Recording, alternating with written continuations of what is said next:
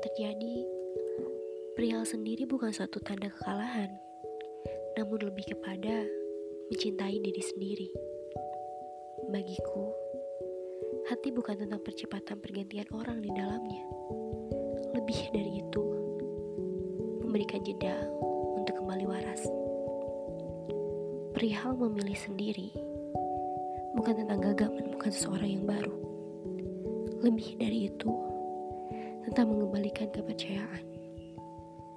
Ini bukan perihal siapa yang paling cepat menunjukkan bahagianya, namun siapa yang benar-benar mampu memaafkan dan mengikhlaskan semua hal yang berlalu dan juga tenang setelahnya.